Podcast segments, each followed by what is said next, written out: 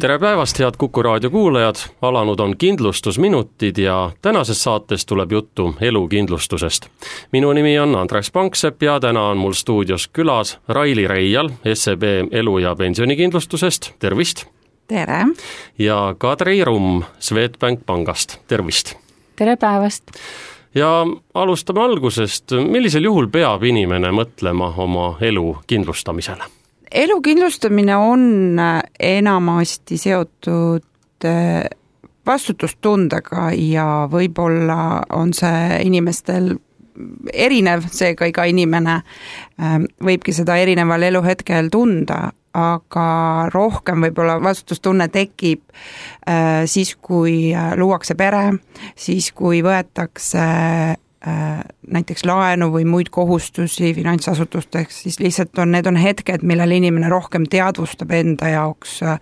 et ta ei ole enam võib-olla üksi ja äh, ta peab ka oma lähedaste heaolu eest äh, hea seisma või kindlustama seda mingil määral. aasta alguses läbi viidud säästu-uuring näitas et, ligi nelikümmend protsenti Eesti peredest on viimase aasta jooksul olnud rahalistest raskustest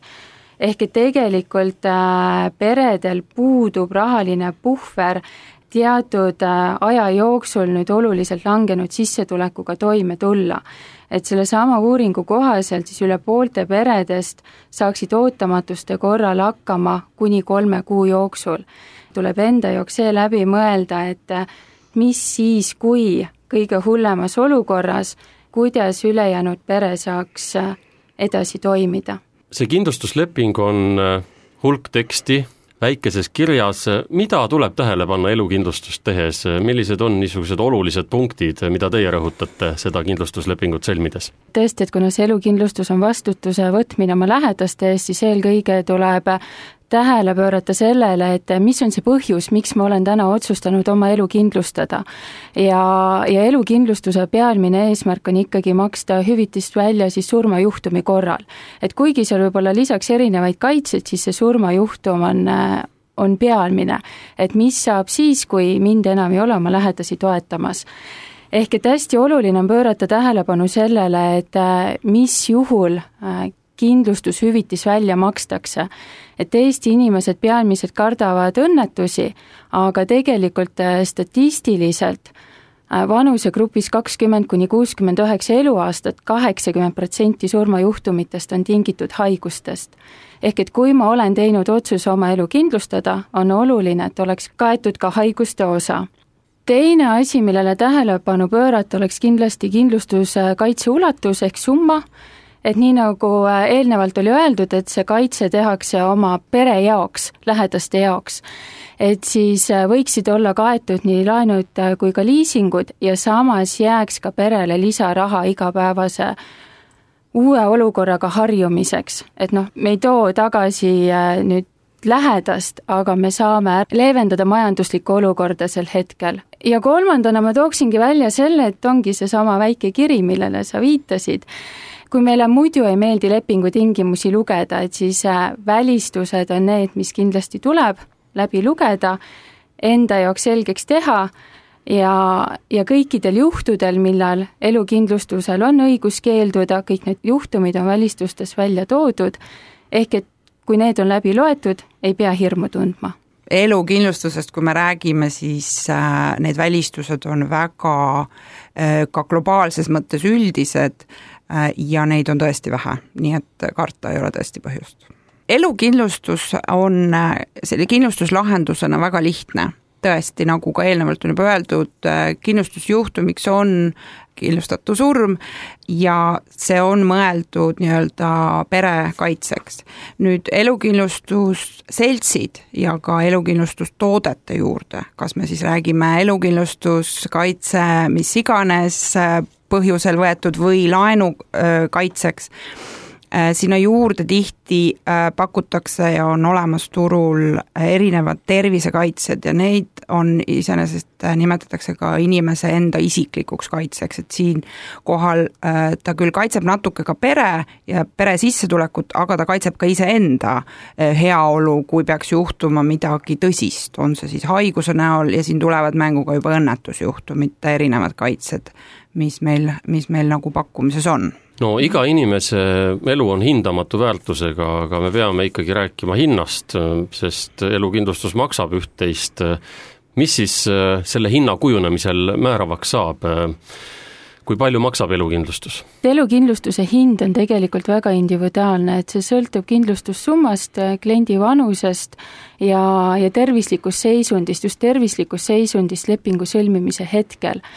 et äh, pealmiselt äh, kardetakse, et elu kindlustamine on äh, väga kallis. et, et ma enne siia tulekut vaatasin ka, et noh, mis on siis see keskmine kuumakse olnud sellel aastal sõlmitud lepingute hulgas ja, ja see on jäänud neljateist euro juurde. et noh, me võime ise mõelda, et kui mitmel korral me kuu jooksul teeme selliseid emotsioonioste, mis jäävad samasse suurusjärku, et, et siis selle põhjal otsustada, et kas see oma elu kindlustamine on kallis või ei ole kallis. hinda mõjutab kindlasti ka see, et, et milline on kliendi tervislik seisund lepingu sõlmimise hetkel. ehk et seetõttu on ka oluline, et et elu kindlustamisele tasub mõelda juba siis, kui selliseid terviseriske ei ole veel äh, ilmnenud, et siis on kindlasti see lepingu sõlmimise protsess ka kõige lihtsam ja, ja see, et määratakse lisarisk, äh, see tõenäosus on oluliselt äh, väiksem. jaa, elukindlustus täiesti loogiliselt et äh, mida vanemaks inimene saab, seda kallimaks ta läheb. Äh, kas nüüd äh, hind on lepinguperioodi jooksul muutumatu või muutub koos vanusega, see nüüd oleneb kindlustuslahendusest, mis on siis seltside otsustada, et millise kindlustuslahenduse nad ehitavad. kas nii-öelda sellise, kus elukindlustushind on kas või kakskümmend aastat järjest üks ja sama,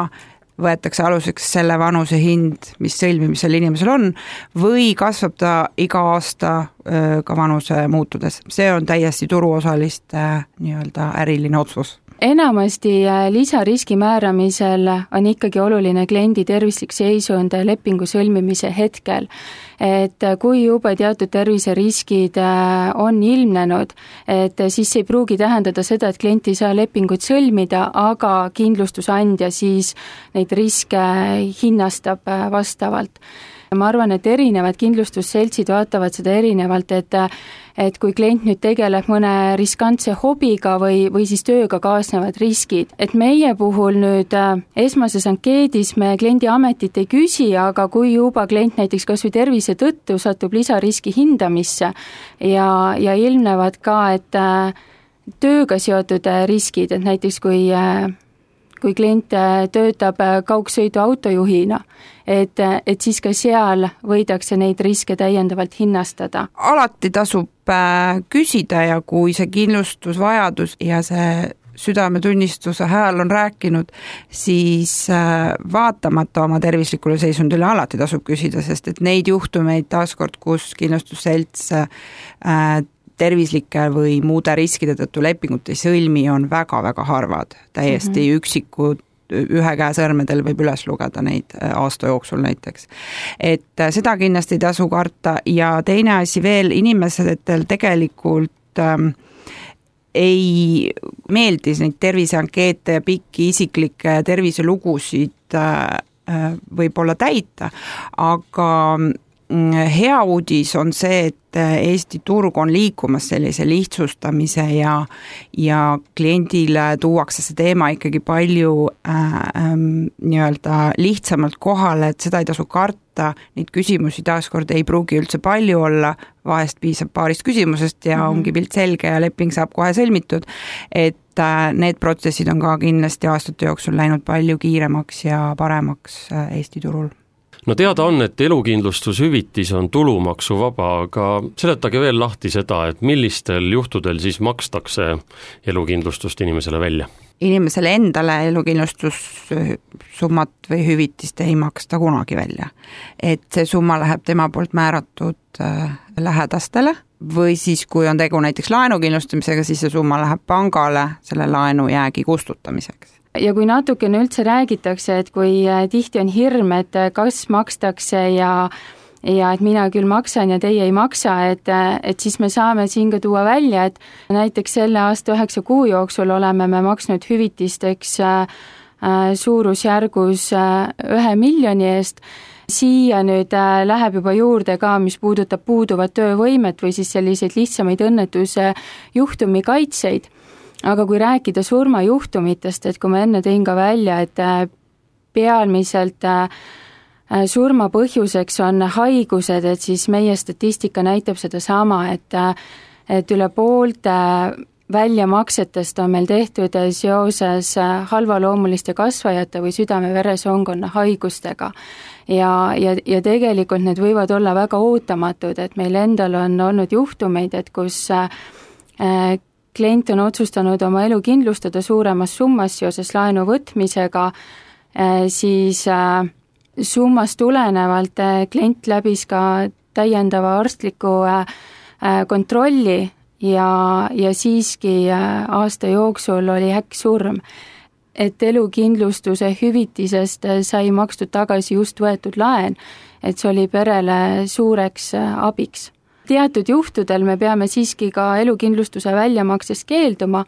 aga nagu ma varasemalt ütlesin, et siis need keeldumised on väga üks-üheselt seotud äh, nüüd välistustega, mis on juba lepingus toodud ja, ja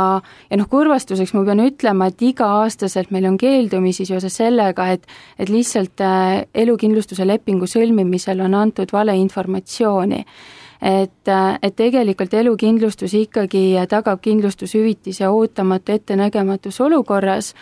kui see diagnoos on juba kliendile määratud enne elukindlustuse lepingu sõlmimist, siis paraku meil ei ole võimalik nüüd sellesama haiguse tõttu hüvitist välja maksta. Teada on, et elukindlustust soovitatakse sõlmida võimalikult pikaks perioodiks aga kui pikaks, mis teie nõuanded on? no üks lihtne valem on, et äh, kuni lapsed on suured ja kuni äh, laenulepingud äh, kestavad. turul on võimalik elukindlustuslepinguid sõlmida kaheksateist kuni seitsmekümne viienda eluaastani, et see siis sõltuvalt sellest, et mis seltsi kasuks klient otsustab Raili SEB on teinud ka ühe spetsiaalse elukindlustuse kliendiuuringu, mida nii-öelda erilist sellest uuringust selgus, mida te välja tooksite? no võib-olla selline kõige üldisem järeldus, mis me sealt võtsime ja mis on ka väljakutseks meile kui kindlustusandjatele, on äh, see, et kui küsida inimeste käest, mis on neile oluline, siis nad järjestavad äh, esikolmikusse oma lähedased, enda tervise ja lapsed. kindlustuse kontekstis tähendab see siis seda, et rohkem kindlustatakse oma kodu, oma auto ja võib-olla ka lemmikloom ja jäetakse see elu ja tervis ähm, natuke kõrvale, sellepärast et, et see ei ole võib-olla tõesti emotsionaalselt lihtne mõelda olukordadele, kus äh, inimene peabki mõtlema surelikkusele või võimalusele, et juhtub midagi, millel on püsivad tagajärjed tervisele. et selle peale on tõesti emotsionaalselt raske mõelda, aga tegelikult äh, eestlaste väärtused või vähemalt meie klientide väärtused äh, tegelikult lähevad vägagi kokku kindlustuse ja elukindlustuse ja tervisekindlustuse mõttega Raili Reial SEB elu- ja pensionikindlustusest ja Kadri Rumm Swedbank pangast, aitäh teile ja seda palju juttu täna elukindlustusest. kindlustusminutid on taas eetris nädala pärast, kuulmiseni